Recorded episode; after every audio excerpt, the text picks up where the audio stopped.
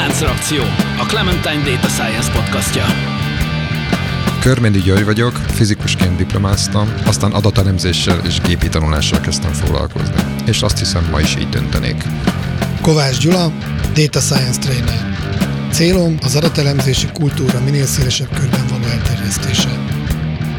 Könyves Tóth előtt vagyok, hivatalosan matematikát, programozást és pszichológiát is tanultam, de az életben azt is megtanultam, hogy a nem hivatalos tanulmányok éppen annyira fontosak. Póli Ferenc, digitális terméktervező, tanácsadó, startupper és podcaster, akiben évtizedek óta harcol a programozó és az újságíró. Szervusztok, hát immár ötödik alkalommal ülünk itt együtt a Láncreakció podcast felvételén, négyen is ebben a körasztalban, ami négyszögletes, és a data science, illetve mesterséges intelligencia, illetve robotika, illetve bármi, ami mesterséges témakörben beszélgetünk. Mindenek előtt a szokott módon hagy jöjjek elő egy olyan kérdéssel, amiről ti nem tudtatok, és ezért most majd jól meg fogtok lepődni. Ezt akarom ma megkérdezni tőletek, hogy mi a kedvenc diagram típusotok. Hiszen legutóbb beszéltünk arról, hogy szegénykördiagram milyen népszerűtlen és milyen e, csúnya helyzetben mm, él, de biztos van olyan diagram, amiről viszont azt gondoljuk, hogy az aztán a. És a Gyulának már is van egy kedvenc diagram. Igen, igen, igen. Az én, én kedvencem a plot diagram. Imádom. Nem tudom miért. Egyrészt azért, mert uh, ugye a plot diagram, nem tudom, tudjátok-e, hogy néz ki? Pöttyök. Pöttyök gyakorlatilag. Egyébként ez az a diagram típus, amit legkevésbé tudnak értelmezni az emberek. Körülbelül az emberek 40%-a nem tudja értelmezni kutatások szerint. Ami miatt szeretem, hogy elég sok mindent bele lehet zsúfolni egy ilyen típusú diagramba. Ugye lehet színezni a pöttyöket, lehet alakját változtatni, lehet a méretét változtatni. Nyilván meg kell találni az egészséges hangsúlyt, hogy azért ne túl sok mindent akarjunk belezsúfolni, én valamiért e- ezt a típusú diagramot nagyon szeretem. Azért nem örülök, hogy ezt mondod, mert nekem is az a kedvencem, a színezett szórás vagy eloszlás függvényt mutató plot diagram. Hát akkor én nem tudtam egy újjal beszállni többiek. Hát én azt hiszem a diagramok gombóc Artúra vagyok. A kereket, a szögleteset, én még a pálycsártot is szeretem. Nagyon jó, végre, végre a pálycsárt mellett egy szavazat. Én nekem meg azt tetszik, gyakorlatilag a típusától független, hogy felhasználó szemlélő számára is interaktív legyen. Ezeket nagyon szeretem, hogy be tudok avatkozni, hogy pont mit ábrázoljon, hogy például leszűkíteni a diagramot férfiakra, nőkre, különböző országokra. Például láttam a KSH-nak volt egy ilyen nagyon klassz interaktív diagramra, hogy otthon ki mit csinál a napi 24 órába. Időmérleg, nem? Igen, ilyen idő, az időmérleg. No, a lényeg az, hogy az interaktív, illetve nevezik ugye olapnak is az online analysis process, tehát hogy van is, hogy az elemző, ugye, aki számára csinálja akár diagramot vagy táblát, előre nem is tudja, hogy igazándiból a megbízót pontosan mi érdekli, vagy lehet, hogy még ő maga se tudja, de így az interaktivitás folyamán egyszer csak kiderül, hogy mi az érdekes, melyik fajta vetülete valamilyen ábrázolások. Na, nekem ezt tetszik. Viszont én el tudom mondani, el tudom mondani, amit nem szeretek. Mit nem szeretsz? Most nagyon-nagyon népszerű ez a videó típusú, hogy időben haladunk előre, és látjuk, hogy hogy alakul időben például a legtöbbet eladott együtteseknek a listája évről évre hogy alakult. Az a bajom ezzel, hogy szórakoztató, de ha visszakérdeznék tőlem, hogy most mi volt, nem tudnám visszaadni, mert egyszerűen nem emlékszem, hogy mi volt 70-ben, 75-ben, 8. Tök nagyon jó, és ez valahogy más nem zavar, hogy néztem. Tehát ezek baromira népszerűek, holott utána, ha az a célunk, hogy valami információt átadjunk, akkor ez pont szerintem alkalmatlan. Lehet, hogy ez csak inspirálásra jó.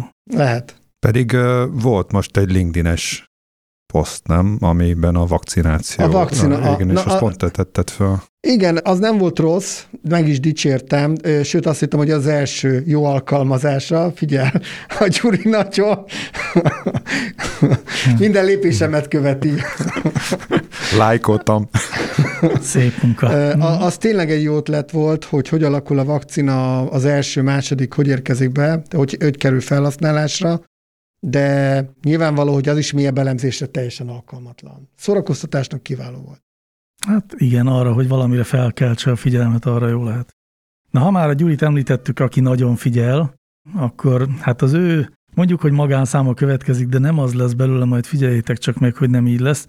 Beszéltünk már itt korábban a Gartnernek a Magic Quadrant nevű elemzés típusáról, itt minden évben megjelentett minden fontos tématerülettel kapcsolatban, így a mi szűke pátriánkban machine learning és data science ügyben is van egy ilyen mágikus kvadráns a Gartnernek, amit csak hírszinten említettünk, de már akkor is beszéltünk arról, hogy jó erről egy kicsit bővebben beszélni, hiszen mégiscsak ez az a dolog, amihez nyúlni lehet, amikor egy nagy cég valamiféle beszerzési döntést igyekszik meghozni, hogy érdemese vagy sem, erről fogunk most beszélni, illetve erről fog beszélni Gyuri, mi meg majd dörzsöljük a markunkat, hogy beleszóljunk-e vagy sem. Igen, mikor a múltkor erről beszéltünk, akkor érzékeltem némi érdektelenséget, vagy valamilyen ilyen, ilyen típusú rezonálást, és aztán gondolkodtam is rajta, hogy ez miért van, és hát egyszerűen azért van, amiért mondjuk egy konferenciánk végén mindig vannak olyanok, akik valamilyen előadásokkal szemben elégedetlenek, vagy azt mondták, hogy ennek nincs itt a helye, a mások meg a másik előadással kapcsolatban elégedetlenek, és egyszerűen arról van szó, hogy ez egy nagy téma, amiben sok mindenkinek van érdekeltsége, teljesen különböző szemléletű, meg érdekű embereknek, és az egyiket ez érdekli, a másikat az érdekli. Tehát ahogy Feri mondtad az előbb, most akkor legyen az a helyzet, hogy egy nagyvállalatnak a döntéshozói vagy a beszerzői vagyunk, és az a feladatunk, hogy egy rakáspénzt elköltsünk, mondjuk ebben az esetben valamilyen adatelemző technológiára, és nem tudunk elugrani a feladat elől, valósítsuk meg, és ezekben a, a helyzetekben nagyon nagy segítséget nyújt, hogyha van, van hova nyúlnunk, és a Gartnernek ez a rendszeres piac felmérése, piac értékelése, ez egy ilyen munka.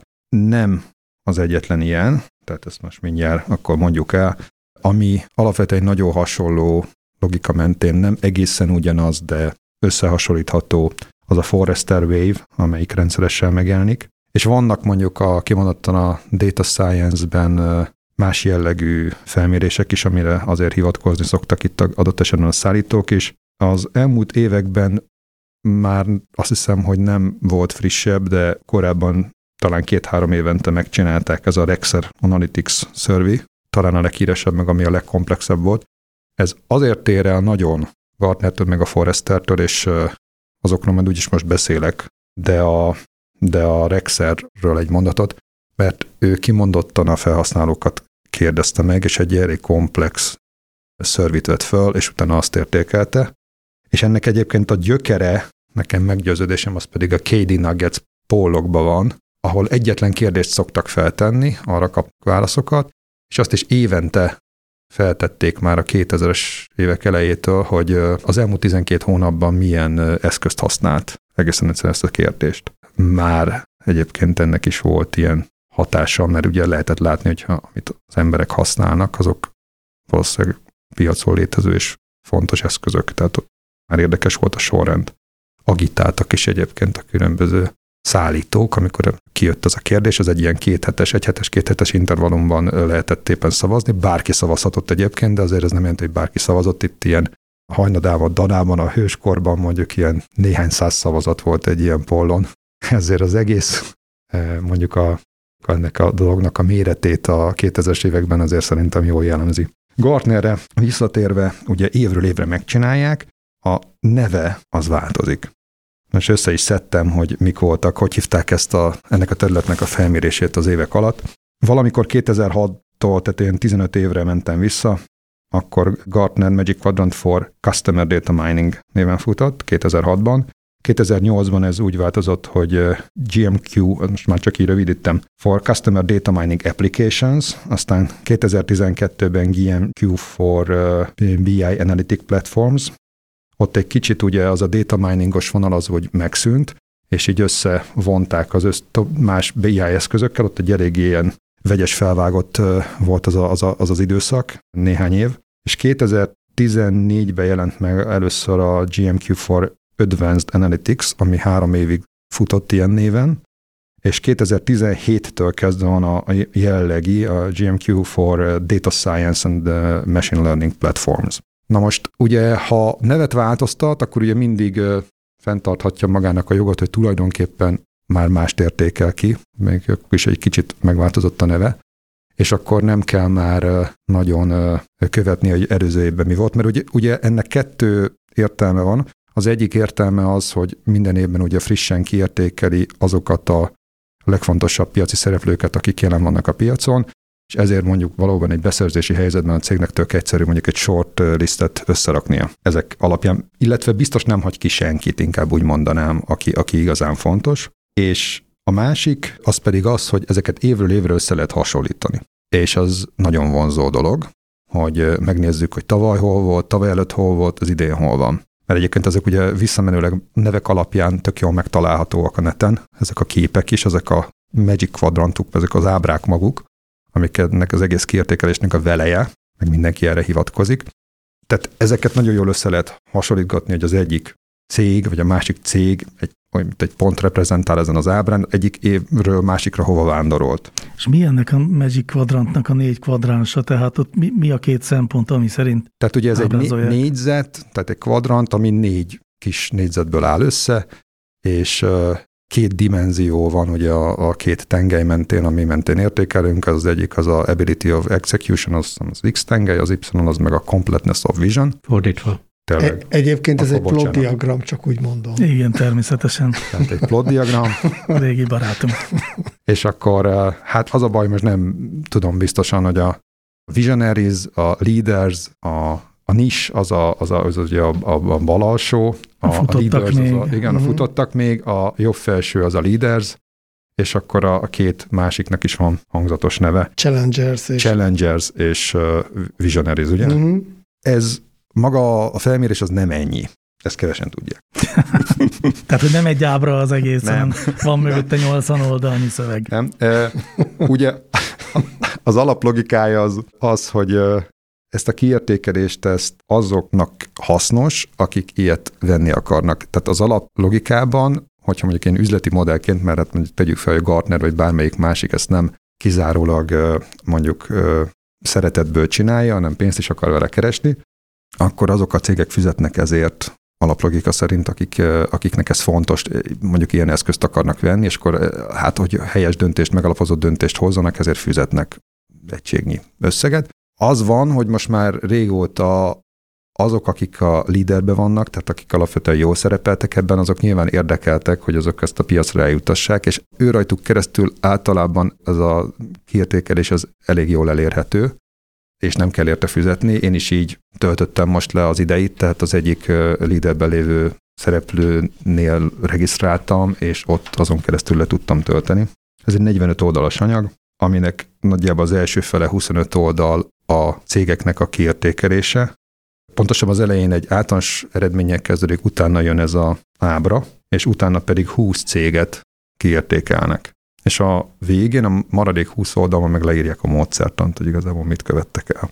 Most ebből egy-két dolgot kiemelnék, amit nekem sem volt nyilvánvaló. Ugye leírják a bekerülés kritériumait, ami azért viszonylag exakt, tehát túl azon, hogy rendelkezni kell ilyen típusú eszközzel, a legfontosabb bekerülési kritérium szerintem, vagy a legerősebb korlátozó kritérium az a bevétel, ami ezekből az eszközökből származik.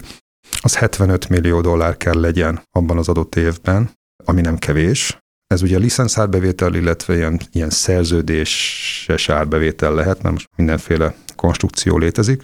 Tehát 75 millió dollár per év. Kíváncsi lennék, hogy ebből a 20-ból valójában hány éri ezt el, mert egészen biztos, hogy nem mind, ugyanis van egy másik kritérium, amiben be lehet kerülni, amivel csak 10 millió dollárt kell elérni, emellett viszont az azt előző évhez képest egy 18%-os növekedést kell felmutatni. Na most azért ez erős, és talán értjük is, hogy miért egy ilyen viszonylag gyorsan változó piacon ez miért kerülhet be egy ilyen feltétel, de azért ez egy sokkal könnyebb feltétel ezzel bekerülni. A tanulmányban nincs feltüntetve, hogy mekkora volt az árbevétel? Nem, nem.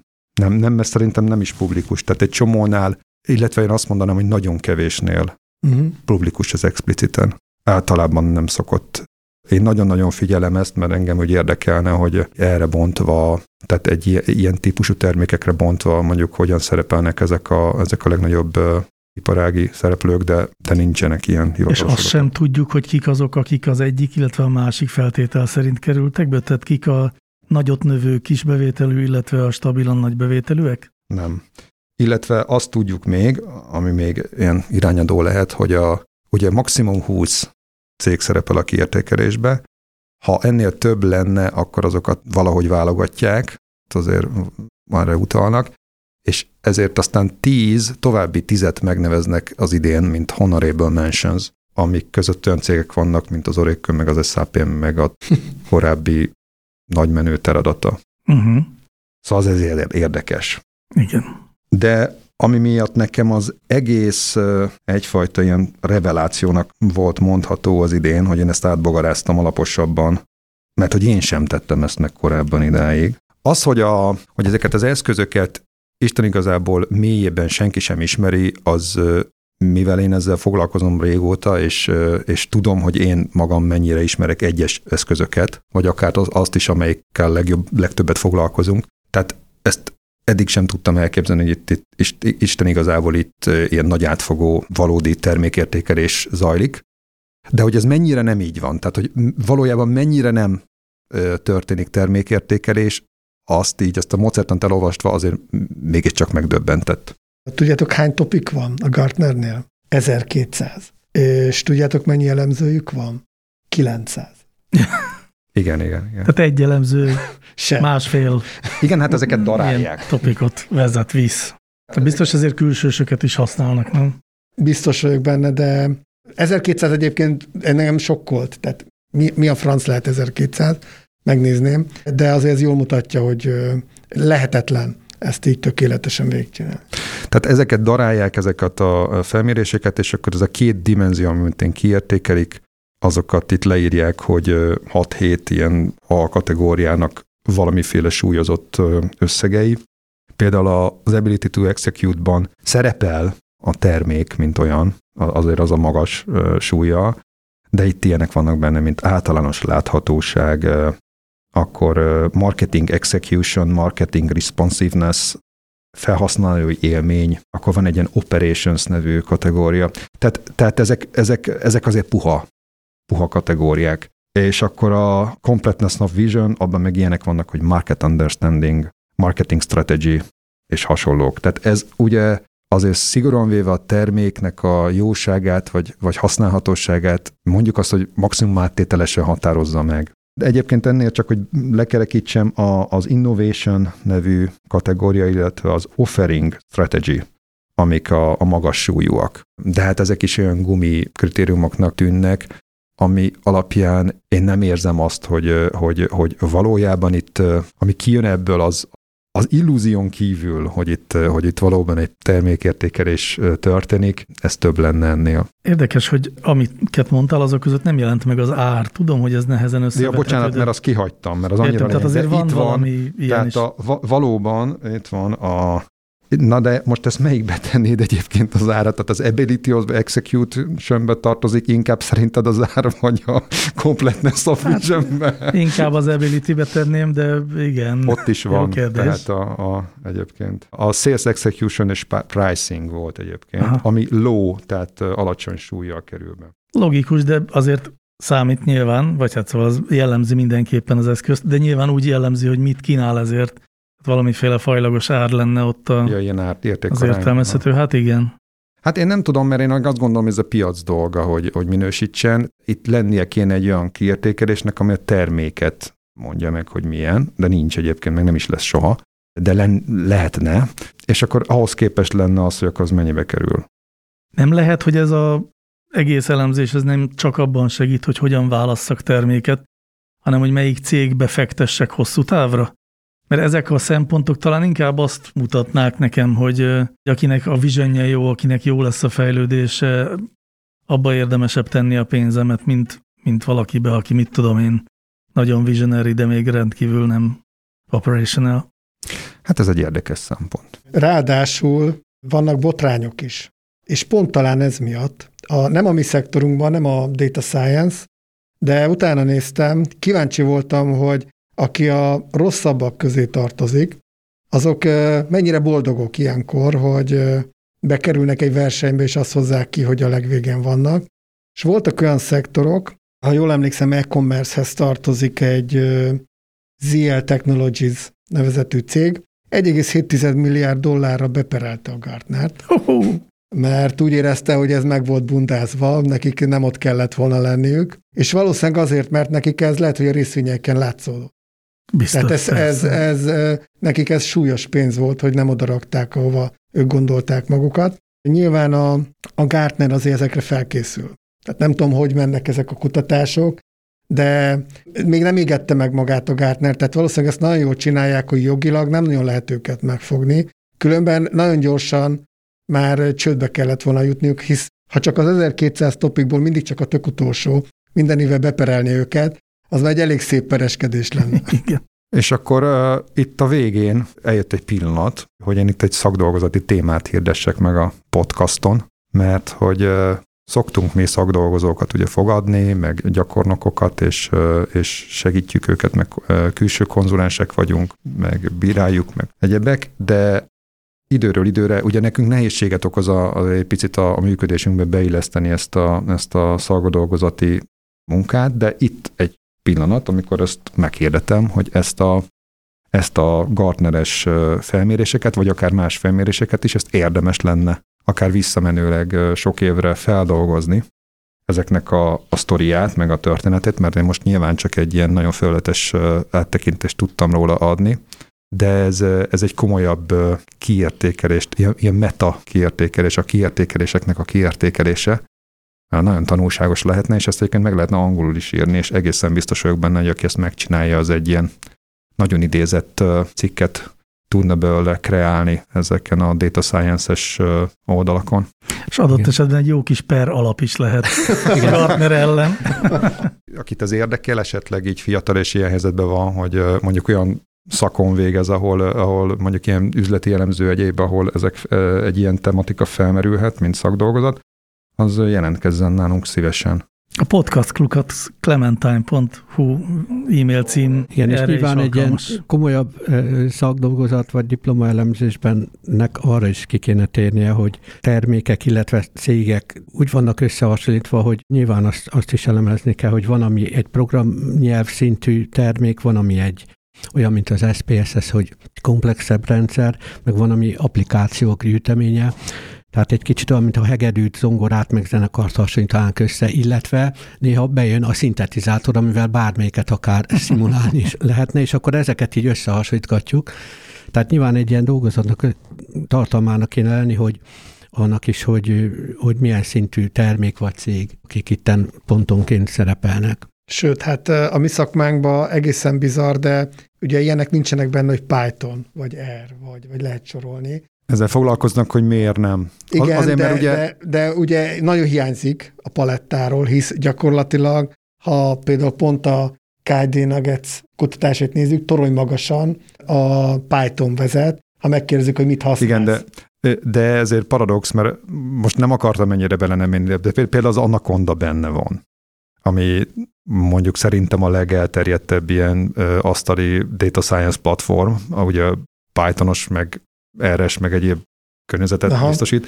És, és egyébként nincs, benne van. nincs player, le van húzva a francba. De hát ilyenek is benne vannak külön, tehát benne van a Rapid Miner, de a, de a modeller az külön nincs benne, hanem ugye nyilván az az IBM-nek a része. Meg benne van ilyen, hogy Microsoft. Tehát sok kitöltő szerintem, mert én is töltöttem ki ilyen kérdővet az elmúlt évek során, és azt gondoltam, hogy, hogy sokan például Microsoftnak mondanak ismeret hiányában olyat is, ami egyszerűen csak Microsoft rendszerű gépen fut, bármilyen program. Egyáltalán kérdés, mit kell Microsofton itt érteni, mert abban benne van az Excel is. Ezt leírják. Tehát az szerepel mindegyik gyártónál, hogy igazából melyik termékét értékelték ki. Uh-huh. Az más kérdés, hogy aki olvassa és csak az ábrát nézi meg, annak fogalma nincs Igen. róla, mert nem fogja végig bogarászni, hogy igazából mit is, mi is történt itt. Úgyhogy azért Mert igen, ez a cikkben részletezve van, igen, ezt emlékszem különben. Így jó. Lezárásként még engem egy dolog érdekelne, mondtad, hogy egy adott nagyságrendnyi összegért lehet megvenni ezt a, az elemzést. Mert milyen nagyságrendű az az összeg? Hát ez most ebben a konkrét esetben nem tudom, ez ilyen néhány ezer dollár szokott lenni. Ilyen szinten akartam csak bevenni, tehát pár ezer dollár. Aha. Az, hogy ez valakiket bánt, nekem erről az jutott eszembe, hogy egyik kollégánk a cégünknél ugye csinált egy ilyen torkos csütörtök térképet, Haha. Egyszerűen ilyen internetes szöveg lehívó eszközökkel, és a Google térképre rájelzt, és akkor hát voltak olyan ö, ö, éttermek, amik, akik azért reklamáltak, hogy miért nincsenek rajta, és voltak olyanok, akik azért reklamáltak, hogy miért vannak rajta, és pontosan ilyen okokból, mint ahogy Gyula az előbb mondtad, hogy ezek a elemzőcégek, hogy reklamálták a Gartnert. Szerintem egyenlőre akkor legyen ennyi elég a Gartner Magic Quadrantról. Én megnyugodtam, most nekem most jó. Én szerintem sokan képbe kerültek azzal kapcsolatban, hogy ez hogy is kell nézni erre az ábrára, és mi van mögötte, ami mindenképpen jó. Viszont ha már képbe kerül, és akkor jöhet is a következő témánk, az elmúlt egy évben mindnyáján azon dolgozunk, hogy képbe kerüljünk olyan témákkal kapcsolatban, amikhez nem értünk, olyan számokat elemezzünk, amiket ö, eddig ö, nem, hogy nem elemeztünk, hanem általában számokat sem elemeztünk, vagy legalábbis sokan vagyunk így a társadalomban, akik így jártak, és azért is gondoltuk, hogy egy picit beszéljünk róla, mert itt a járvány harmadik hullámának a platóján, remélhetőleg a platóján átsorogva, de még a csúszdán lefelé el nem indulva, egyre többen dobálóznak egyre többféle számmal, és úgy általában az adat, mi, hogy hívják magyarul a data literacy-t? Adattudatosság? Vagy adatértés? Adatolvasási készség. Az nagyon jó. Írás tudásnak szokták ugye a Tényleg, adatírás tudás. Szép. Szóval, hogy az adatírás tudás vajon fejlődik-e Magyarországon, meg úgy általában a világban annak hatására, hogy az elmúlt évben mennyi sok adatot kellett megértsünk, akár a politikai kommunikációban, akár a mindennapi közkommunikációban. Most így szóba hoztad a politikát, egy kicsit függetlenül a Covid-tól. Én elég sok szakirodalmat olvasok ezen a területen. Ezek domináns része amerikai. Ezek topzódnak a amerikai politikai életből vett példákkal, a republikánusok, demokraták, hogy hazudnak, hogy csalnak a számokkal. Onnan hozzák az összes példának a 90%-át, hogy hogy nem szabad adatokat ábrázolni, mert nyilván egy politikus úgy értelmezi a számokat, ahogy számára kedvező. És a Covid-nál nyilván van ilyen jelenség. Tehát ez egyértelmű, hogy eleve már, ahogy publikálják az adatokat, azok, azok gyakorlatilag már egyből interpretálva is vannak. Ilyen értelemben nem sikerült az emberek számára közérthetővé tenni azt, hogy ez a rengeteg szám, amit most látunk, az tényleg hogy tudja jól értelmezni, hisz már gyakorlatilag, amikor publikálják, akkor mondok egy példát, 30% az embereknek be van oltva, és ez Európában a második legjobb. Tehát ezzel azonnal értelmezik is, hogy most ez jó vagy nem jó, és akkor kész ez el van engedve, hogy egy kicsit mélyre menjünk a számoknak, hogy ez mit is jelent. És hát egy nagyon jó példát találtam arra, hogy, hogy bárki bármit ki tud hozni a számokból, ez a 60 pedagógus meghalt drámai bejelentés. Kiszámoltam, a pedagógusok gyakorlatilag úgy néz ki, hogy a legimmunisabbak a halálozással szemben. Ez az országos átlag harmada. Megnéztem, hogy hány pedagógus van, ez a 60, ez hány százaléka, megnéztem az országos átlagot, kimondottan jó ráta. Tehát ha úgy nézzük, ahogy kéne, hogy hány százaléka halt meg a pedagógusoknak az országos átlaghoz képest, akkor ez egy pozitív hangvételű bejelentés. Ha úgy ábrázoljuk az adatokat, hogy 60 ember már meghalt, és hogy micsoda tragédiák sorozata történik az országba, akkor meg teljesen más az olvasat az egész történetnek. És nem látom azt, hogy ilyen télen bármilyen előrelépés történne, mert az embereknek a, a joga megvan ahhoz, hogy bármilyen adathoz hozzáférjenek, a képességei nincsenek meg, hogy ezeket tényleg önállóan jól tudják értelmezni. Továbbra sem. Ezzel kapcsolatban nagyon érdekes, hogy az utóbbi években az érettségén előjöttek a statisztikai példák, én egyszer sem figyelem, gondolom ti is az ére, matek érettségiket. Ez azért érdekes, mert korábban nem volt, még korábban, amikor én érettségiztem, akkor például volt integrál differenciál számítás, később ez megszűnt, most bejött a statisztika helyette, meg a valószínűségszámítás és kombinatorika. Az én szüleim nemzedéke szintén még tanult kombinatorikát, amikor az elment, akkor jött az integrál számítás. Most az biztos, hogy a, a COVID téma is érzékenyíti, most divat ez az érzékenyítés szó, a statisztikai érzékenységet az ezzel kapcsolatos híreknél, de én ezt, én ezt egy reménykedő dolognak tartom, hogy, hogy Magyarországon a statisztikát be, nagy súlyjal bevezették az érettségi ügyekbe. Egy érdekességként hadd mondjam el, hogy különböző nemzetek minek alapján különbözhetnek az ilyen ügyeknek az érzékenységében. Van egy bűvös szó, amit hogyha valaki beír az internetbe, a keresőben, akkor nagyon érdekes találatok jönnek ki, a stanine. A stanine, ez a Standard 9-nak a rövidítése. Az amerikai hadseregben kilenc kategóriába soroltak mindenkit, bármilyen mérés alapján, és gyakorlatilag a mai időkben, hogyha valaki beírja ezt a stanine, Standard 9 ez a rövidítése, akkor ilyen oldalakat fog nagyon hamar kapni, hogy mit kell tudni egy amerikai szülőnek, hogy megértse, a gyerekeinek az értékeléséről szóló táblázatokat, amiket kap. És gyakorlatilag, hogyha ilyen szülőknek ilyen, ilyen kis könnyed statisztika, normál eloszlás, átlag medián, meg standard meg hogy hogyan képzik ezeket a, ezeket a pontokat, ezek mit jelentenek, ha valaki ezt egy kicsit áttanulmányozza, akkor már szinte bizonyos szakoknak a statisztikai szakán, vizsgáján átmehetne. És ez úgy van közülve, hogy mit kell tudni egy amerikai szülőnek. Én, én ezeket 20-30 éve találtam ilyen utalásokat például, de ma is ezek megvannak. Ki, érdemes kipróbálni.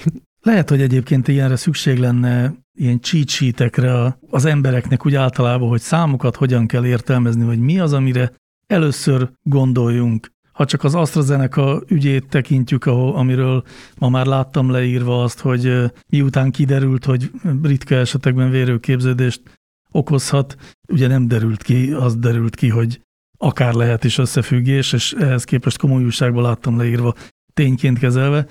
Ugyanitt barátaim utasították vissza azzal, hogy hát ez veszélyes, és azt, az, azt a sima szorzást, osztást nem végezték el, hogy 35 millióból a 100 eset, meg hogy, hogy vajon ez más típusú gyógyszereknél, helyzeteknél, hogy van, és aztán persze el is kezdett keringeni a Facebookon néhány olyan mém, hogy az algópirinnek van olyan súlyos meleghatása, ami tízezerből egy esetben jöhet elő, ami még így is azt hiszem három nullával gyakoribb, mint, a, mint az Astra sztori. Ilyenből is sok van, és ezt az egyszerű lépést nem lépi meg nagyon sok ember, hogy kontextusba helyezze azt a számot. Ugyanúgy, mint a pedagógusok. Ennél az esetnél egyébként ez teljesen általános emberi korlát. Képtelenek vagyunk a kis valószínűséget felfogni. Ha képesek lennénk, senki nem venne lottószelvényt. Nagyon kicsi, meg nagyon dolgokat egy emberi agy képtelen felfogni, egy bizonyos intervallumban tudjuk kezelni, mi az, hogy 10, 20, 30, az, hogy egy tízezrelék az esélye, hogy én nem tudom, mi bajom lesz, az önmagában nem mond semmit, viszont ha azt halljuk, hogy szomszédnál gondok voltak az asztra beoltása után, akkor azt mondom, hogy úristen, én se fogom kérni. Teljesen máshogy működik az agy, úgyhogy én itt nem kérem számon ezt, az ismerőseitől, de van egy másik jelenség viszont, ami, ami, ami az üzleti életben is látok. Ti tudjátok, hogy mit jelent az, hogy egy gyógyszer 95%-os védelmet ad? Most már igen. Na mondjátok már el nekem, hogy mi az, hogy 95%-os védelmet ad. Meggyőzésem az emberek többségének fogalma nincsen, hogy mit jelent ez a kifejezés, hogy a gyógyszer 95 a, Az oltásra gondolsz például? Az oltásra. Aha. Hát én most megnéztem viszonylag alaposan arra most nem vállalkoznék, hogy szabatosan elmondom, mert ezt szabatosan illik elmondani. Viszont a, hivatkoznék itt a, azt hiszem, hogy Science Ninja, vagy Ninja Science néven létezik egy YouTube csatorna, ahol egy srác van egy nagyon nézett videója, amin ezt állati precízen elmondja a, konkrétan a, a vírussal kapcsolatban. A vírusnak a hatásmechanizmusát is elmondja, az oltásoknak a működését is elmondja, és a oltásoknak a tesztelését is elmondta és egyébként reflektálva erre az egészre én kettő dolgot várnék el. Az egyik az az, hogy valóban érdemes lenne fejleszteni az embereknek a data literacy képességét, tehát akár az iskolában is már, de ez egyébként folyik. Tehát ahogy az előd is mondta, 15-20 évvel ezelőtti tematikákhoz képest azért most már sokkal több statisztikát tanítanak. A másik nagyon fontos dolog az az lenne, hogyha az ilyen típusú mondjuk például a, a vakcinációval, meg, az, e, a, meg, a, meg a koronavírussal kapcsolatos információk, azok transzparensebbek lennének, mert hogy nem azok. Tehát itt az Asztránál, meg a hasonlóan kritikus esetekben, amikor nagyon súlyos érdekek fűződnek ahhoz, hogy még bizonyos információk pontosan hogy is vannak. Nagyon nagy a súlya annak, hogy azok igazából hogy vannak. Valójában hány beteg van, valójában hány halt meg, valójában miért haltak meg. És itt néhány esetről van szó a nagyon sok millióból. Konkrétan az Asztránál voltak számok, meg voltak aznak némiképp vagy egészen ellentmondó számok. És érdekes az, hogy ezeknek mi van a hátterében, de azt nem lehet mondani, hogy az egész ez egy transzparens lett volna, és ezért azt sem lehet mondani, hogy valóban csak annyi lenne mondjuk a laikusnak, neked vagy nekem feladatunk, hogy két-három osztást elvégezzünk, akkor az alapján azt mondjuk, hogy ennek a valószínűsége az ekkora vagy akkora. Tehát az a probléma, hogy nincs transzparens adat, és azért nincs, ennek, ennek különböző okai vannak, nem valami nagy összeesküvés feltételezek én itt, hanem valóban nehéz ilyen típusú adatokat mondani. Ha a, a dohányzásnak a egészségkárosító hatására visszagondolunk, az szerintem mindenkit egy csomót tud sztorizni arról, hogy ez egy mennyire hosszú évtizedes folyamat volt, ami különböző lobby érdekek pro és kontra, az egyébként nyilvánvaló tényt, hogy egyébként káros, ami nagyon-nagyon régóta nyilvánvaló, azt addig tudták vinni, hogy igen, erkölcstelen olyan kutatást csinálni, amelyik, ügy, amelyik úgy van megkonstruálva, hogy alapvetően az ellenkezőjét igyekszik bizonyítani, és de, de lehet. Tehát valljuk be, hogy széles a, a, az eszközöknek a repertoárja. Egy picit akkor most visszákötve már a, a vakcinációra, megrázó, hogy a, az oltásoknak az a hatékonysági adatai, azok a 100, meg a 92 és fél. A 92 és fél az azt hiszem úgy jött ki, hogy a 12 volt, aki elkapta, miután megkapta az oltást, és abból egy volt súlyos. Az egyébként 40 ezer vizsgálatból. Tehát magyarul ez tipikusan statisztikailag ugye a helyzet, hogy a, a 12-t osztottuk el az egyel, hát itt semmiféle, vagy fordítva, tehát abból jött ki a 92 és fél, tehát a statisztikát nem ezért csináljuk, hogy kis pozitív egész számokat osztogassunk el egymásról, és utána bombasztikus kijelentéseket tegyünk.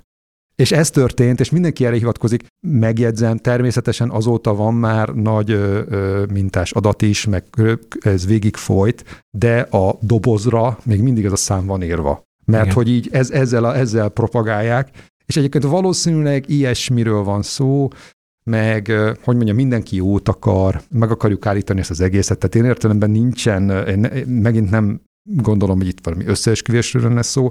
Ez egy bevett módszertan, ami még fontosabb. Tehát ugye a gyógyszerkutatásnak, az, meg a oltóanyag előállításnak van egy bevett módszertana, ami okkal, joggal van így, ahogy van, de ennek vannak korlátai.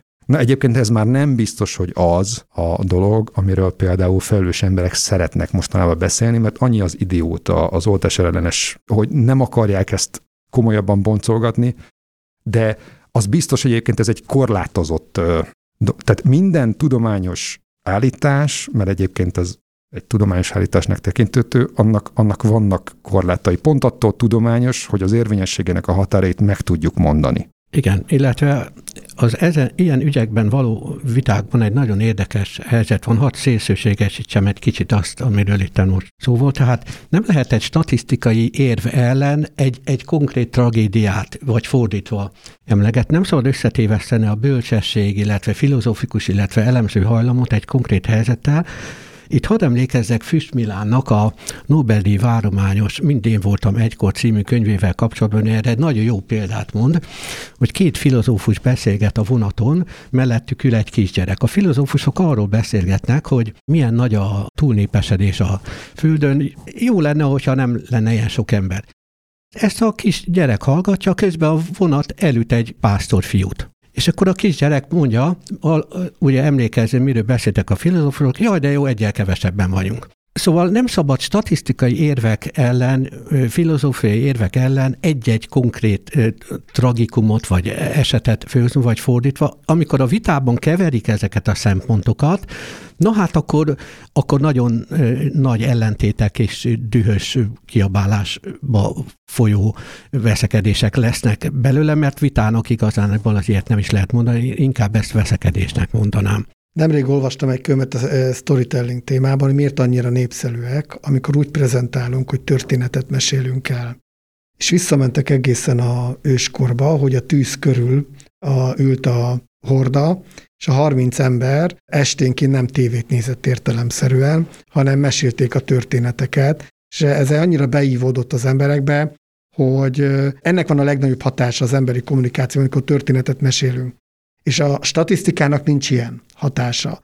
Tehát ha én beszélgetünk itt négyen, és statisztikai számokról beszélünk, akkor mi értjük, hogy miről van szó, de az egyszerű emberek számára ez nem annyira értelmezhető, mint hogy a szomszéd bekerült a kórházba az oltás után két nappal, az számára egy történet, és az százszor nagyobb súlyjal szerepel az ő életében, az évrendszerében, és hozhatsz 2000 statisztikai mutatót, ő csak bólogatni fog, nem fog hinni ezeknek a számoknak, máshogy van drótozva az agyunk.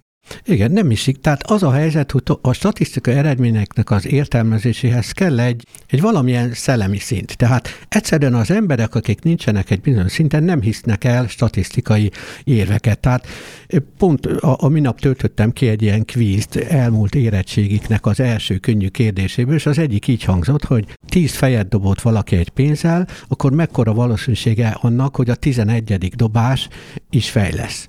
És most itt, itt sokan nem hiszik el, hogy annak ugyanannyi, mint bármelyik előző dobásnak, mert független, de mert, mert nem tudják, hogy az két különböző kérdés, hogy, hogy mekkora valószínűsége annak, hogy a 11. dobás fel lesz, ez egy egészen más valószínűség, mint hogy mekkora annak a valószínűsége, hogy mind a 11 dobás fej, vagy hogy 11-ből csak egy fej, vagy ilyesmi. Tehát ezek egész más kérdések, és akik nem gyakorlottak az ilyen valószínűségi helyzeteknek a gondolkodásában, azok, azok ezt félreértik, de nem csak tudatlan emberek, hanem hadd mondjam, hogy akár még Erdős Pál is, nem akarom őt bántani, de volt ez a híres e, esemény, a Marilyn Vos Szavan ügy, amikor a, Igen. A, a, a három ajtó Monty Hill ja, ja, ja, problémával ja, ja, kapcsolatban, hogy ő azt szépen megoldotta, hogy a három ajtó közül kellett egyet választani, és hogyha eltalálja, amelyik mögött az autó van, a Jaguár, akkor azt megkapja, egy másik mögött kecske van, meg a harmadik mögött kecske is, de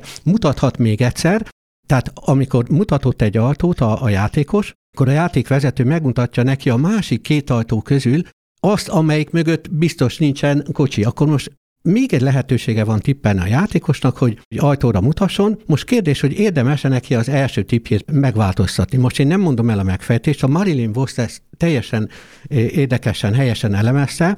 Na minden lényeg az, hogy ebben az elemző cikkében, mivel ő nem matematikus, bármennyire is Guinness rekordbeli intelligencia művész, és, és erről híres, de nem matematikus, matematikusok tömkelege, ilyen gender szempontból is támadták őt a legfurcsább hangnemben, hogy tanuljon matematikát, meg mit szól bele, meg stb. pedig neki volt igaz, és a Erdős Pál sem hitte el, hogy neki van igaza, egész addig nem, amíg az Erdős Pálnak egy másik matematikus társa számítógépes szimulációval lejátszotta, és ott látszott, hogy úgy tűnik, hogy a Marilyn Voss szavannak van igaza, és emiatt aztán az Erdős Pál nekiült, kiszámolta, és kiderítette igaza van, és akkor néhány matematikus bocsánatot kért a Marilyn von Savantól, de nagyon sokan nem kértek bocsánatot. Ez egy nagyon érdekes példa, de talán lezárva még az előző gondolatot. Szerintem valami olyasmi a megfejtés, hogy tehát nagyon súlyos dolog összekeverni azt, hogy egy statisztikai eredménynek hiszünk-e vagy nem,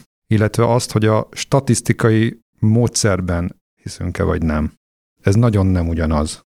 Tehát a statisztikai módszer az lehet helyes, és a statisztikai eredmény, amit meg produkálunk vele, módszertani, adatfelvételi, akármilyen okoknál fogva, az meg lehet helytelen. És akkor most ahonnan ez az egész indult, csatoljak vissza a, a 60 pedagógus áldozatra talán, azért azon a vonalon ugye Gyula tovább lehet menni, és meg lehet nézni ezeknek a pedagógusoknak a korát, egy csomó eloszlását, és ahhoz is lehet viszonyítani azt, hogy ez sok áldozat vagy kevés, és esetleg kiderül az, hogy ez valójában átlagos, akár fölötti, alatti, bármi ki lehet, kiderülhet.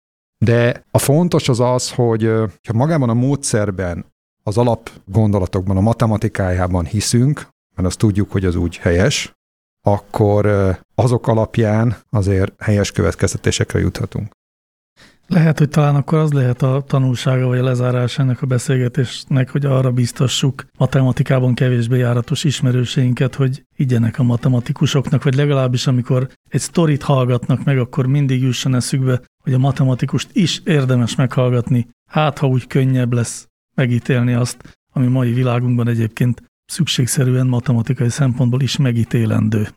Egy nagy matematikus statisztikus mondta, hogy aki nem hisz a statisztikába, arra kárhoztatik, hogy újra felfedezze azt. Szép, szép búcsú mondat lesz ez, azt hiszem.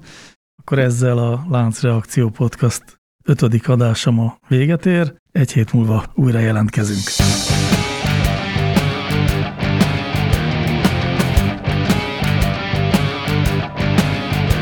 Láncreakció, a Clementine Data Science podcastja.